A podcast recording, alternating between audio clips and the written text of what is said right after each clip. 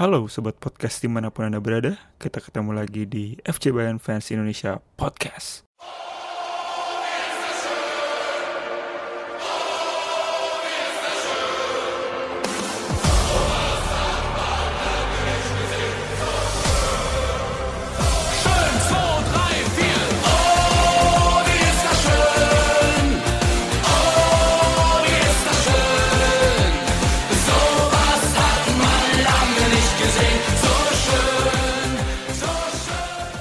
Halo teman-teman semua fans Bayern di mana kalian di mana pun kalian berada.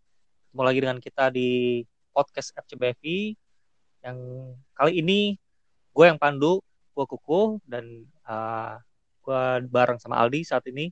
Di ya. Masih sama kita berdua duet kondang dan duet maut. Harusnya tiga sih, cuman soalnya nggak Ya. bisa. udahlah next time kita ajak yang cewek-cewek supaya bisa gabung sama kita. Yep. Oke, tanpa berlama-lama gue pengen uh, bahas di podcast kali ini. Kita bagi di dalam dua segmen. Di segmen pertama kita akan bahas tentang kondisi tim.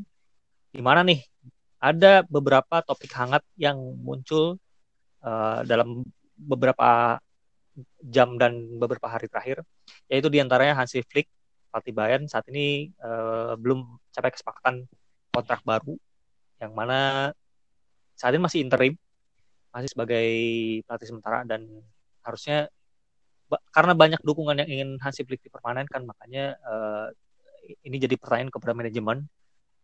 Sedangkan eh, Hansi Flick sendiri ingin membahasnya sebelum diperpanjang ingin membahasnya dengan manajemen. Itu di antaranya adalah salah satu poinnya adalah Hansi Flick pengen lebih punya power untuk menentukan keputusan yang lebih bersifat internal tim. Hmm. Nah, salah satunya tentang kebijakan transfer.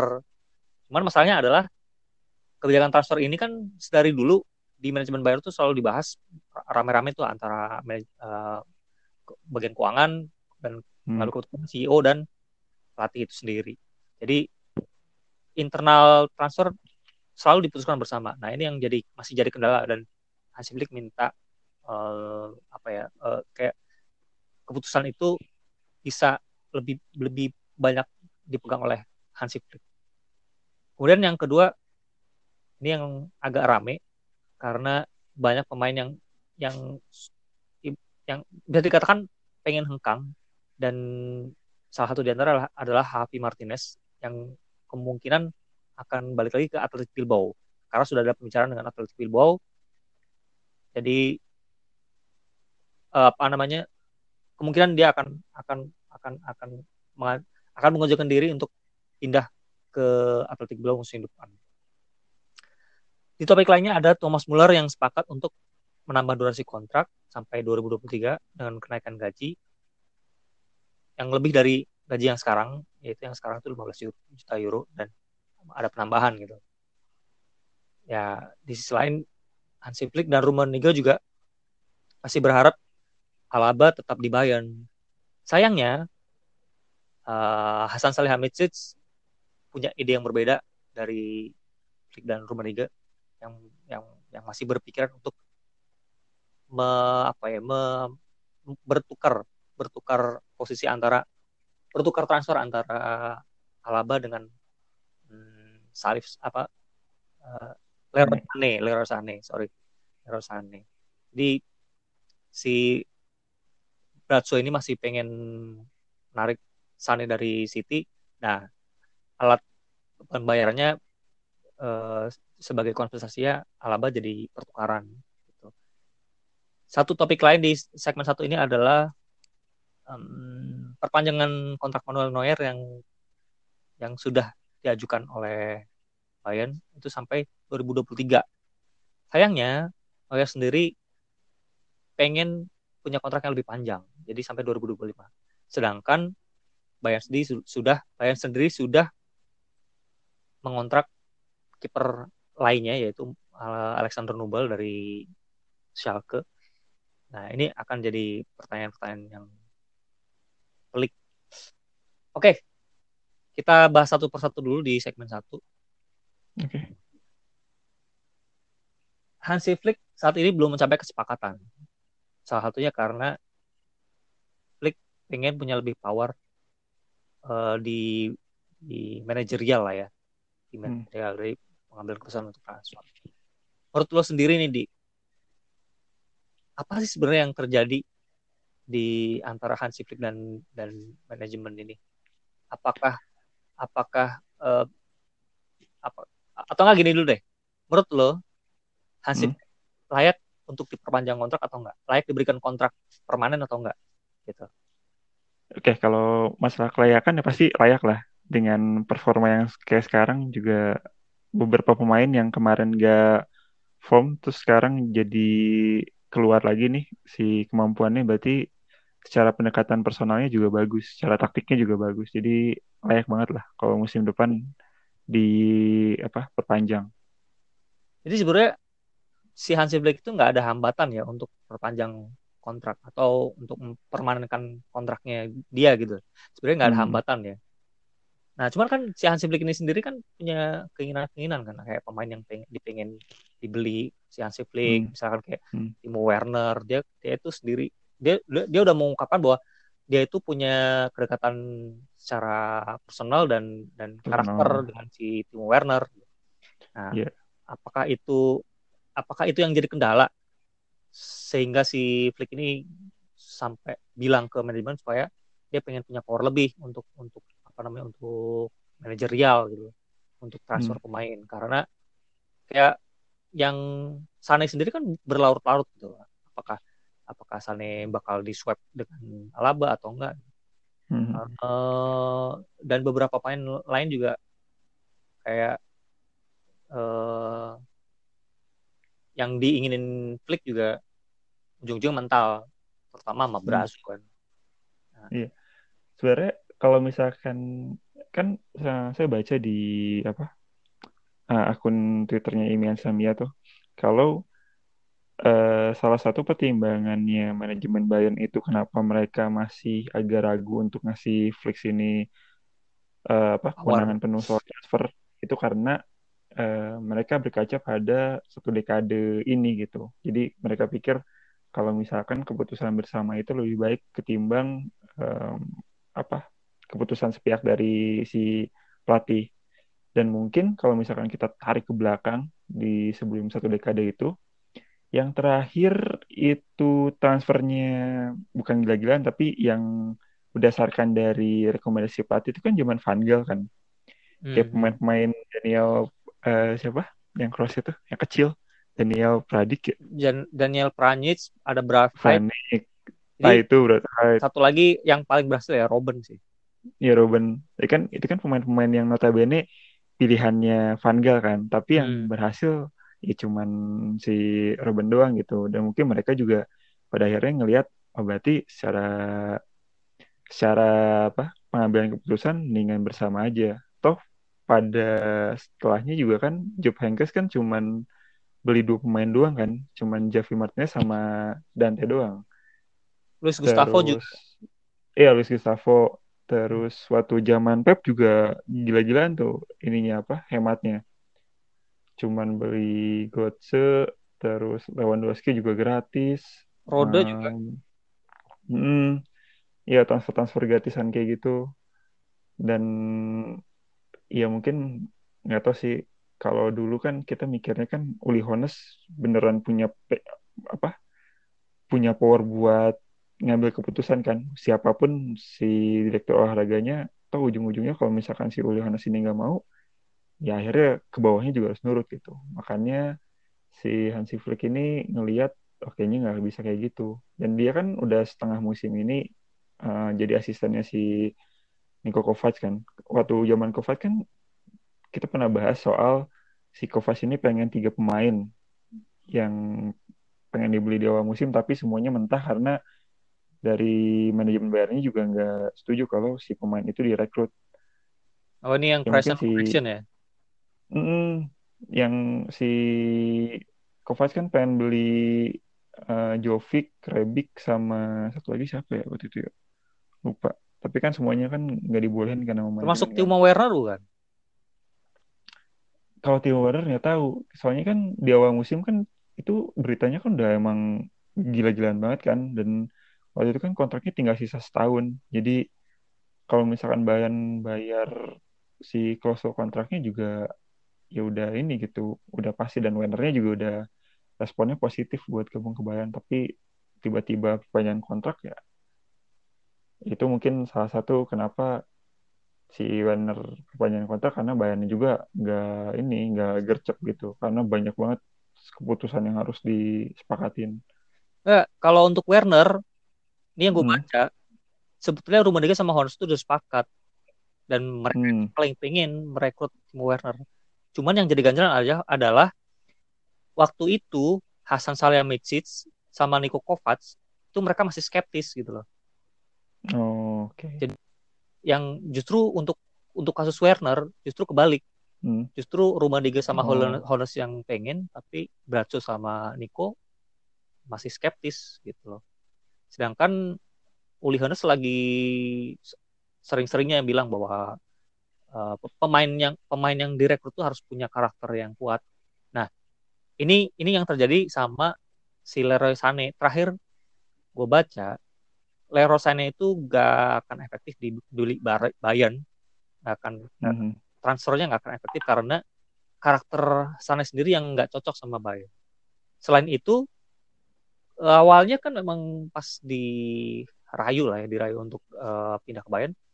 Awalnya Sané mau, tapi setelah ganti apa, ganti agen ya, agen terus dia langsung Hmm. berbalik arah dan sama sekali nggak minat. Nah itu yang jadi pertimbangan makanya kayak Rummenigge Rummenigge sendiri agak lebih skeptis ke Sané daripada Werner ya. Hmm. Karena ya itu dengan karakter Sané yang seperti itu tidak akan cocok dengan dengan Bayern karena ya Bayern nggak pengen ada pemain yang yang yang menonjol sendiri yang superstar Mhm. di antara yang lain. Mereka masih berharap bahwa pemain yang direkrut adalah pemain yang yang punya eh, apa namanya punya kekuatan dalam dalam dalam mental dan kebersamaan gitu loh. Ini ini sejalan sama wawancara sama uh, oh, oh, sorry Oliver Kahn. Jadi terakhir Oliver Kahn bilang kalau Hmm.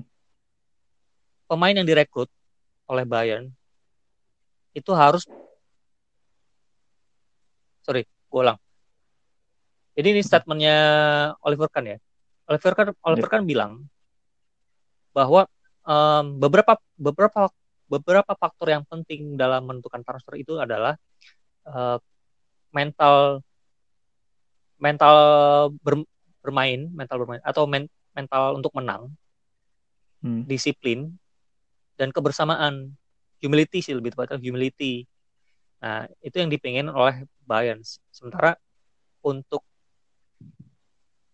eh kayak kasus kasusnya Neuer nanti kita bahas belakangan itu Mhm. Oliver Kahn sendiri secara spesial pengen pengen menyampaikan bahwa eh, sebetulnya Manuel Neuer itu masih pantas untuk main sampai 2025 karena Manuel Neuer kan cuma dikasih tawaran kontrak sampai 2023. Cuman Nah, Kahn sendiri bilang bahwa pada dasarnya kiper tuh bisa bermain dalam waktu yang cukup lama. Cuman untuk konsisten di level yang level tinggi Hmm. itu Hmm. yang harus eh, dipertanyakan atau itu yang jadi tantangan tantangan terbesar gitu. jadi memang sebenarnya nggak semuanya karena keputusan bersama sih ada kadang-kadang ada kadang-kadang kayak ya karena bersama karena karena karena kebersamaan ini akhirnya ganjel gitu ganjel Iya. ganjel apa yang dibutuhkan tim kayak misalkan ya oke lah kita berkaca pada hal mungkin ada pemain yang sesuai sama tim kayak Robin ada juga yang enggak gitu. Nah, Hmm. kayak Heynckes memang dia request oh, pemain ini cocok atau enggak sama tim kayak Hafi dibutuhkan bersama oke cocok Eh, jadi waktu itu si gue ingat banget jadi si Jupp Heynckes cerita dia dipanggil ke kantor bertiga berempat kalau nggak salah sama Karl, Hmm. Karl Hofner Uli Hoeneß Rummenigge Jupp Heynckes Rummenigge bilang ini pemain ini gimana terus Jupp Heynckes bilang ini pemain yang bagus dan dan dibutuhkan tim gitu. karakternya bagus. Hmm. Nah, dari situ baru rekomendasi dan dibeli walaupun harganya cukup mahal. Sama juga mungkin kalau Lucas Hernandez nggak tahu kayak Lucas Lucas Hernandez nggak tahu. Cuman kebalikan sama kayak Sane. Sane setelah dipertimbangkan walaupun semua sepakat cuma satu yang ganjel yaitu karakter si Sane. Ya, walaupun di Hasan Iya. Salihamidzic masih pengen masih pengen merekrut sih. Nah, Hmm. eh, lanjut tadi. Kalau memang semisalkan dikabulkan keinginan si Hansi Flick, kira-kira yang paling mungkin bakal direkrut sama Flick siapa aja kira-kira? Kalau Werner kan otomatis tuh em, dia pasti jadi top priority-nya itu lah ya si Hansi Flick. Hmm. Karena setelah melihat keadaan sekarang Lewandowski cedera, akhirnya kelimpungan dan harus sampai apa membebankan tugas itu kepada si Zirkle kan. Hmm. Mungkin dia juga nyari opsi lain penyerang. Terus selain Werner, kayaknya Kai Havertz sih. Ya kayak kayak Havertz. Oh ya, kayak Havertz ya. Lagi? soalnya kan si kalau misalkan Coutinho nggak jadi, em, itu kan eh, kemungkinannya kan lebih besar kan. Kalau misalkan si Coutinho-nya dibalikin, berarti dana transfernya buat Coutinho bisa dialihkan ke pemain yang lain gitu. Hmm. Kayaknya sih itu sih, dua itu sih. Kalau Sane, Sane sih kayaknya permintaan dari manajemen pribadi ya. Jadi kayaknya Flick juga oke-oke aja kalau misalkan emang bisa direkrut ya lumayan nambah-nambah opsi buat backup Koman. Tapi kalau misalkan emang nggak di- bisa dibeli karena dana transfernya nggak cukup ya juga nggak masalah juga gitu. Gini sedikit tadi sedikit baca-baca sih. Untuk Hmm. untuk kayak Havertz Leverkusen pengen dana lebih, pengen dana besar gitu maksudnya.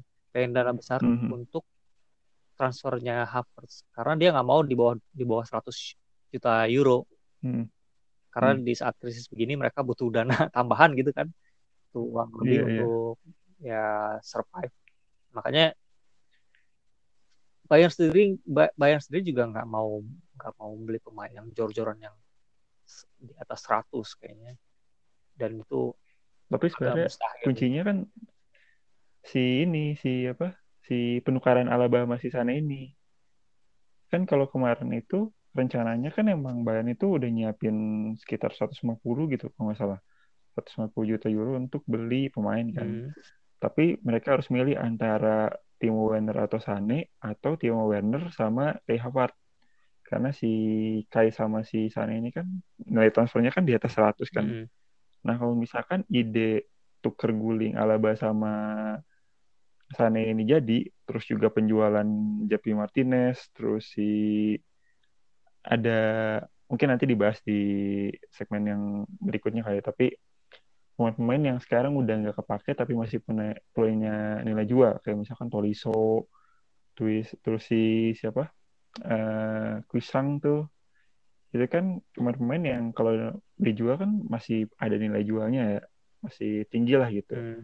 dari segi umur dari segi penampilan juga itu juga bisa ngebantu gitu Ya memang agak pelik sih karena dari klub sendiri udah ada statement bahwa Kusang nggak akan dijual, sedangkan Alaba yang mau diswap sama Sane, Sane yang nggak mau dan Alaba juga nggak mau diswap karena dia nggak pengen ke Inggris, tujuan dia ke Spanyol.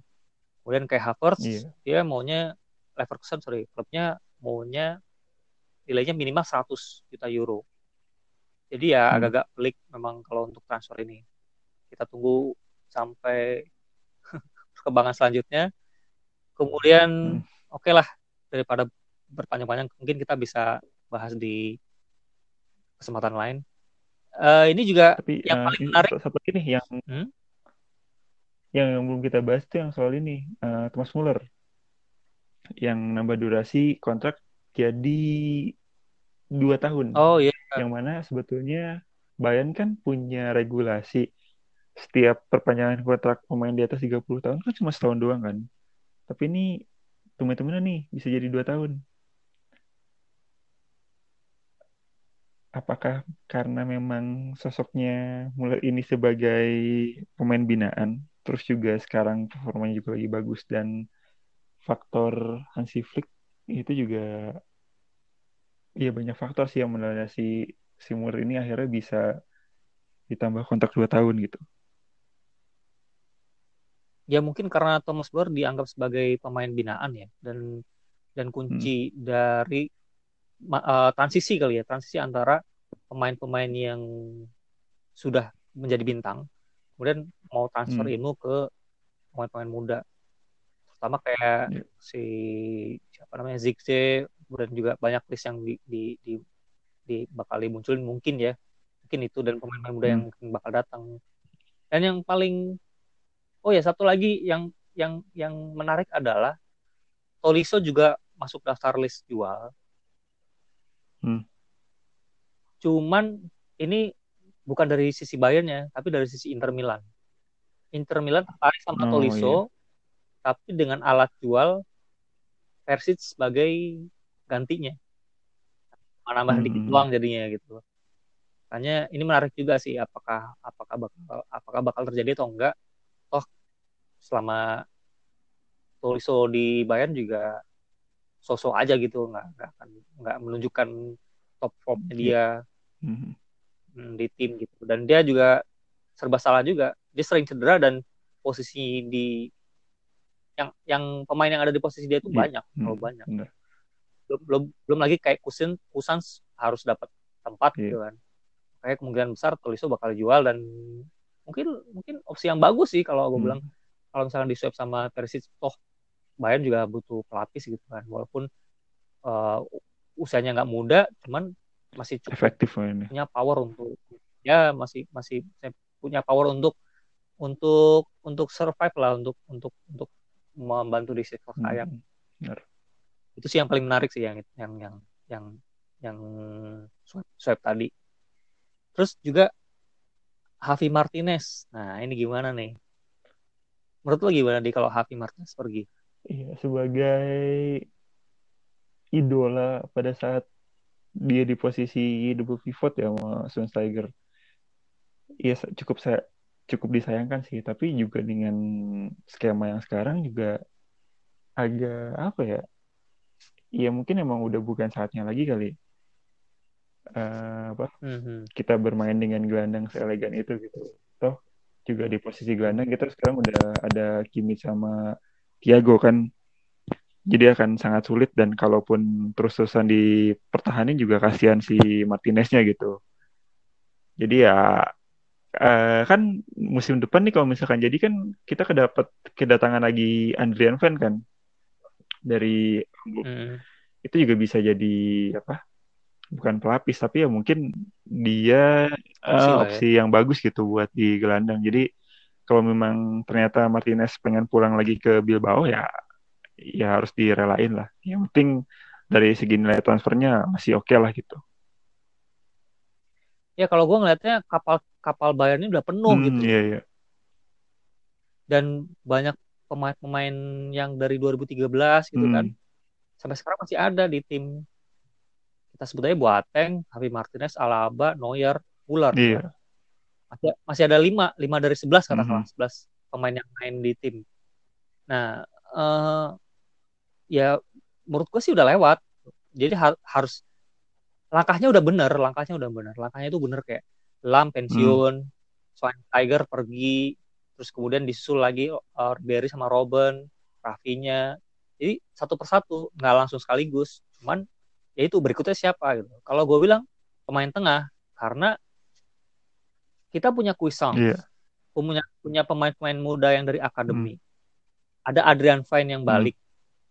Nah, mereka mau dikasih kesempatan atau enggak gitu loh. Kalau memang mau, mau dikasih ke- mau- kalau memang mau dikasih kesempatan, berarti harus ada yang direlain. Iya. Harus ada yang pergi dong. Mhm, Yang paling yang paling mungkin pergi adalah pemain yang memang sudah melewati masanya. mhm. Artinya masanya adalah dia udah dapat dapat segalanya nih di Bayern. Udah dapat semua hal walaupun mungkin mereka masih punya ambisi ya dalam, dalam arti mungkin ambisi ambisi lebih kepada eh, mungkin mungkin mereka juga udah di titik nyaman gitu udah udah di zona nyaman jadi merasa bahwa mereka punya power Iya. Ya mungkin sedikit banyak akan akan banyak akan akan apa ya akan rame sih di di di akhir musim nanti untuk bursa transfer. Iya. Jadi untuk untuk lebih lanjut kita bisa bahas di kesempatan berikutnya satu persatu mungkin. Untuk segmen ini kita tutup dulu. Kita akan ketemu lagi di segmen 2. Ciao. FC Bayern, Stern des Südens, du wirst niemals untergehen, weil wir in guten wie in schlechten Zeiten zueinander stehen. FC Bayern, deutscher Meister, ja so heißt er mein Verein, ja so war es und so ist es und so wird es immer sein. Hai guys, ketemu lagi di segmen 2 bersama masih bersama kita di podcast FCBFI. Masih bersama gua Puku dan di sana ada Aldi. Yuk. Tadi kita udah sempat bahas banyak soal kemungkinan gosip transfer pemain dari internal sih kebanyakan internal. Dari internal Hmm. Bayern, dari dalam tubuh Bayern itu sendiri banyak pemain yang yang yang digosipkan untuk keluar. Nah, sekarang kebalikannya siapa pemain-pemain yang kemungkinan akan masuk nih gitu. Iya. Eh, mungkin dari belakang kali ya dari belakang posisi belakang dari kiper dulu Dari kiper. belakangan rame santer bahwa Neuer nggak mau perpanjang bukan nggak mau perpanjang sih nggak mau durasi pendek di Bayern yang yang cuma dua tahun dua tahun ya dua tahun dua tahun perpanjangan dan dia pengen sam- sampai 2025 yang artinya kemungkinan dia lebih memilih untuk pergi dan ada Hmm. pilihan untuk swap transfer dengan eh, Ter Stegen kipernya Barcelona. Menurut lo gimana nih, Dek? Kalau misalkan nih tiba-tiba Ter Stegen masuk, Neuer ganti jadi pemain Barcelona. eh itu mah isu doang sih kayaknya sih. Karena si Stegen juga kan dia sebenarnya juga pengen minta kenaikan gaji kan. Hmm, Jadi kalau misalkan di berita itu bilangnya si Ter Stegen itu pengen gajinya itu mendekati Messi katanya. ah, gitu so- makanya kayak apa jual-jual mahal gitu. Nah akhirnya karena karena pelik nih posisi kiper nih si Neuer juga lagi nahan kontak. Terus Chelsea juga katanya pengen rekrut Manuel Neuer karena si Kepanya angin-anginan. uh. Dan Barcelona juga katanya pengen Kepa, juga pengen coba mengusik kemungkinan Manuel Neuer ditukar gitu. Jadi tiga klub ini emang pelik nih di posisi kiper. Jadi lucu kali ya swapnya, swapnya tiga klub gitu ya. Jadi tiga ya. main ke main ke apa? Sorry, Neuer ke Chelsea, Kepa ke Barcelona, terus Ter Iya. ke Kocak Bayern. kalau- kalau dibayangin ini cuma intermezzo aja sih. Kalau kebayang gitu sih lucu juga sih kalau misalnya sampai tiga tiga gitu swapnya. Ya oke lah. Iya. Mungkin ini karena si Ter Stegen ngambek pengen dinaikin gajinya karena Iya. dia levelnya udah setara sama sama, Messi kali. udah level Iya, mikirnya udah ini kali ya, udah pemain bintang kali. Tapi sebenarnya agak disayangkan pembelian Nubel sih. Hmm, Kayaknya itu yang jadi apa? Ya kayak mumpuk masalah aja gitu. hmm. Karena dari sisi kiper sebenarnya masih belum perlu banget. Toh Bayern juga masih punya kiper yang bagus di akademi gitu.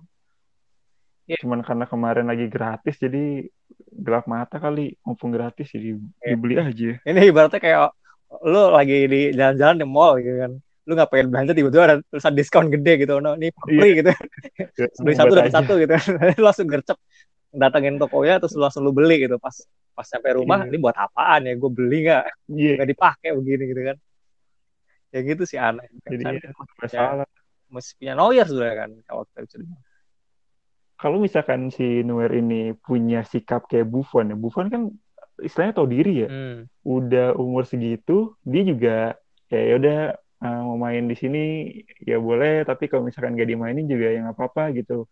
Karena pesaingnya juga si Chesney juga sama-sama bagus gitu. Hmm. Nah kalau si Nuer ini kan nggak nggak kayak gitu kan. Dia bilang kalau misalkan saya bisa main, saya pengen main gitu. Jadi dia Hmm. kayak nggak ngasih kesempatan gitu ke Nubel. Beda sikap, beda mental, mental ya. Tapi ya Manuel Neuer dengan performa kayak sekarang juga akan susah sih untuk melengsarkan di posisi kiper itu.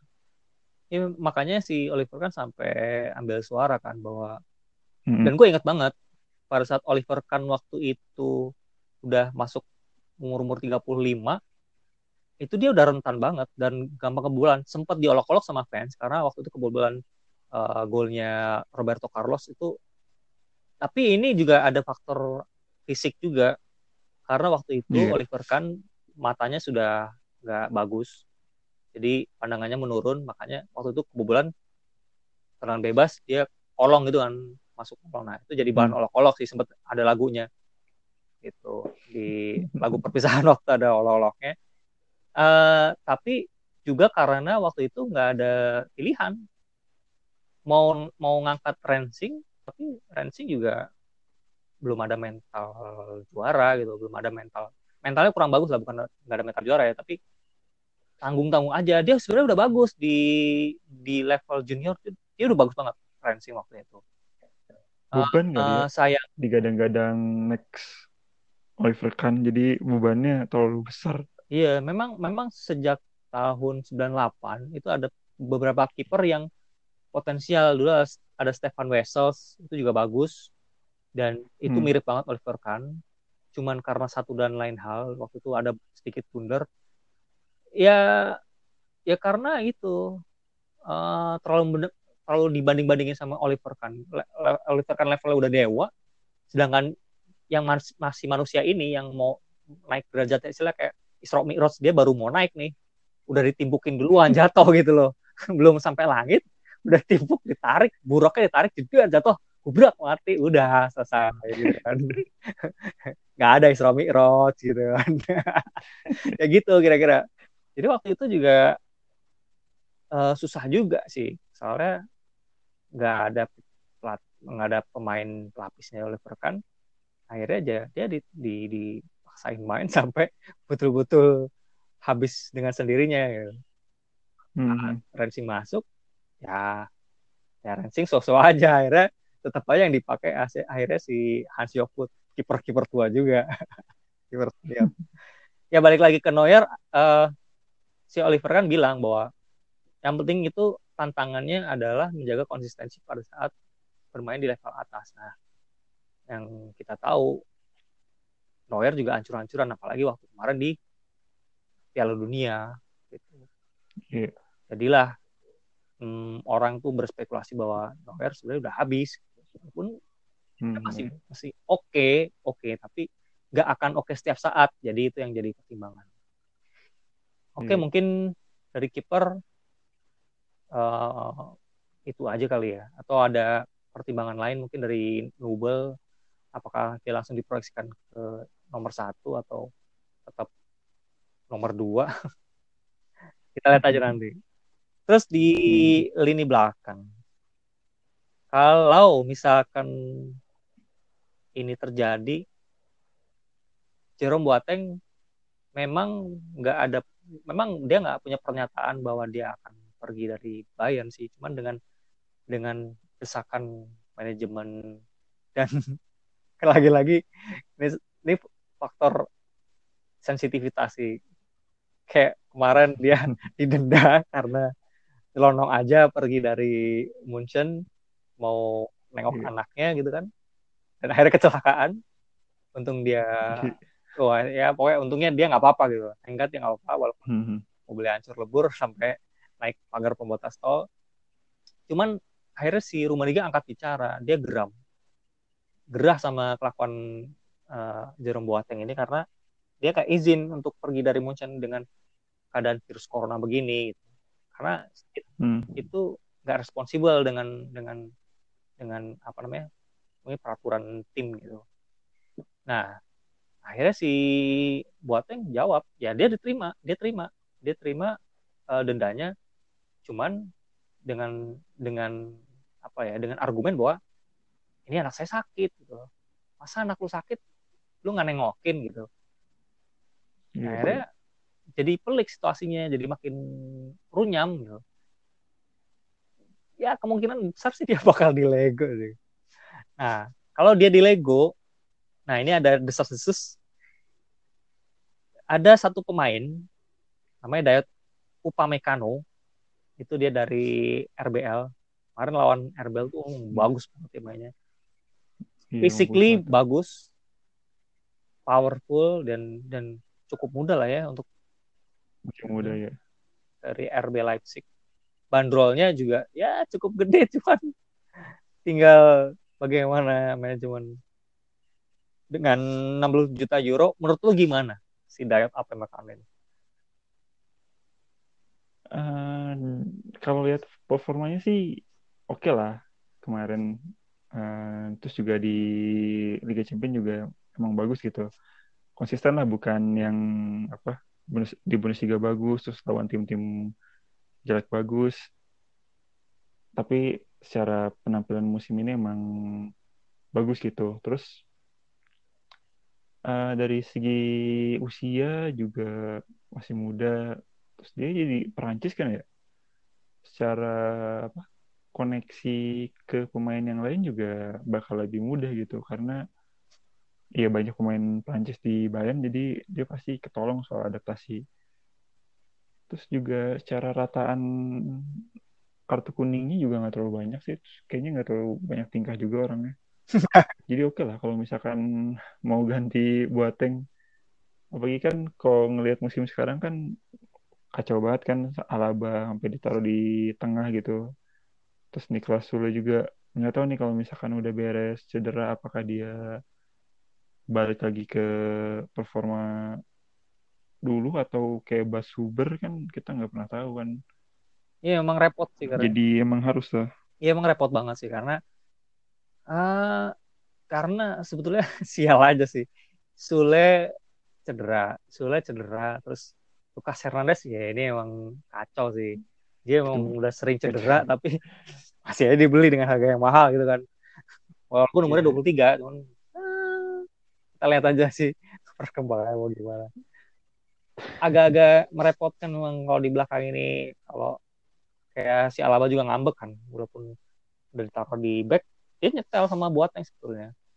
Tapi dia sendiri nggak Hmm. nggak udah nggak punya hasrat apa pun lagi untuk ber- bermain di segala posisi. Dia pengen tetap di tengah gitu. Karena dia ngaruh ke kayak dulu pernah gue pernah bahas di uh, bincang-bincang bayan sebelumnya ya, walaupun udah agak lama. Cuma mau ngingetin bahwa Alaba tuh sebenarnya kebingungan. Dia itu di timnas jadi playmaker tapi kalau di Bayern tuh dia di posisi paling belakang. Jadi saat kembali ke Hmm. timnas pelatih timnas juga bingung dia, dia mau naruh di mana gitu di playmaker Alaba salah di di back juga sayang gitu loh hanya Iya. Alaba kekeh kekeh banget pengen main di tengah karena ya itu tuntutan mungkin mungkin ya tuntutan timnas Austria juga karena dia kan udah udah nggak muda lagi dia Hmm. dia perlu perlu stabil di di posisi yang dia mainkan. Nah, balik lagi nih.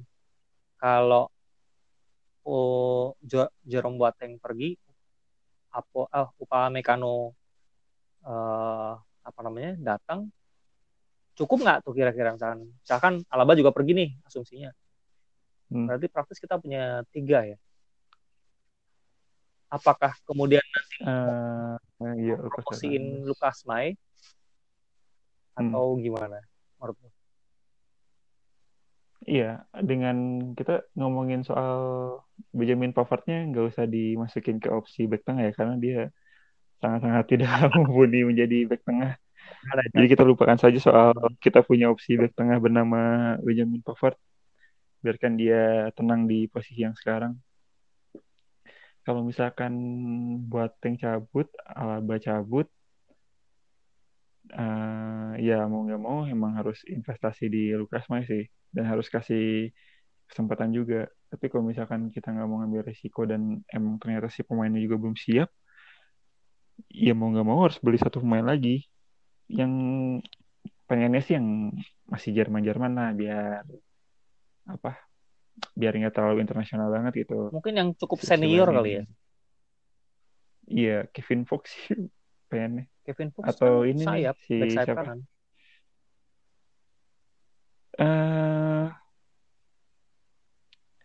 Aduh pemainnya Freiburg tuh Center back mau mau ngambil center back. Christian Christian Ganter mah ini eh, apa back sayap. Ada yang back tengahnya tuh bagus tuh. Kalau main Bundesliga Fantasy League tuh dia poinnya bagus. Ya oke lah. Seenggaknya Nah. satu pemain untuk backup dan pemain senior gitu kan. Iya. Oke oke. Ya mungkin untuk back kira-kira gambarnya gitu. Ini sa- satu poin terakhir deh yang yang yang menarik. Ada juga keinginan Bayern untuk menarik Serginho Des. Nah, Nah, gua iya. nggak gua nggak kebayang nih. Gua nggak pernah research tentang Serginho Des. Cuman ini arahnya mau ke mana gitu menurut lo? Ya kayak ini ya kayak apa? Kalau Ode waktu itu kita nggak pernah tahu si pemainnya karena dia juga si di sini kan bukan reguler kan di Ajaxnya juga kan Nah, dia kalau nggak salah masih di yang usia muda kalau nggak salah. Tim reserve lah ya. di senior juga masih belum tahu. Iya reguler ternyata nih kecenderungan Bayern tuh selalu nyari pemain-pemain. Mungkin mereka pengen kayak itu kali ya Jadon Sancho. Yang dibeli dari akademi tapi udah punya potensi terus pas masuk ke tim utama ternyata bagus gitu. Tapi kan selama ini investasinya Bayern untuk pemain muda kebanyakan kan gagal yang paling ya, bukan paling susah sih tapi yang terbilang susah kan si ini si Koman Ya, kalau Sergei Gnabry kan dia udah bagus duluan di udah matang duluan lah istilahnya Yes. udah matang duluan di Werder Bremen sama di itu sebetulnya ini sering terjadi sih di Bayern. Jadi Bayern ngambil pemain-pemain ya bisa Bundesliga bisa apa namanya wonderkid Eu- European wonderkid gitu kan. Tapi mereka Hmm. nggak ngasih tempat, nggak ngasih kesempatan untuk main. Jadilah kayak si Renato Sanchez. Terus kemudian kalau di Jerman ada Baum Johann, ada Sebastian Rode, Iya. ada siapa lagi kayak si siapa yang Rudi sorry siapa? Sebastian Ya, Rudi Sebastian Rode, terus Michel Weiser juga gitu kan. Michel Weiser juga dari Castor oh iya akhirnya mental juga. Terus kemudian siapa yang eh, Sebastian Rudi ya. Sebastian Rudi. hmm. Ya akhirnya jadi wasted gitu loh kayak pembelian yang buang-buang duit aja. Walaupun gue paham sih maksudnya kalau beli pemain yang bintang juga akhirnya nggak kepake gitu. Akhirnya mendingan beli pemain yang Iya. U23 gitu kan potensi udah ada ya untuk backup doang. Tapi pada akhirnya kan yang bikin Bayern dibenci ya itu. Beli pemain muda nggak dipakai akhirnya jadi mati apa namanya mati karir gitu kan. Kayak iya, ya iya. beberapa Hmm. pemain soalnya gitu polanya. Ya.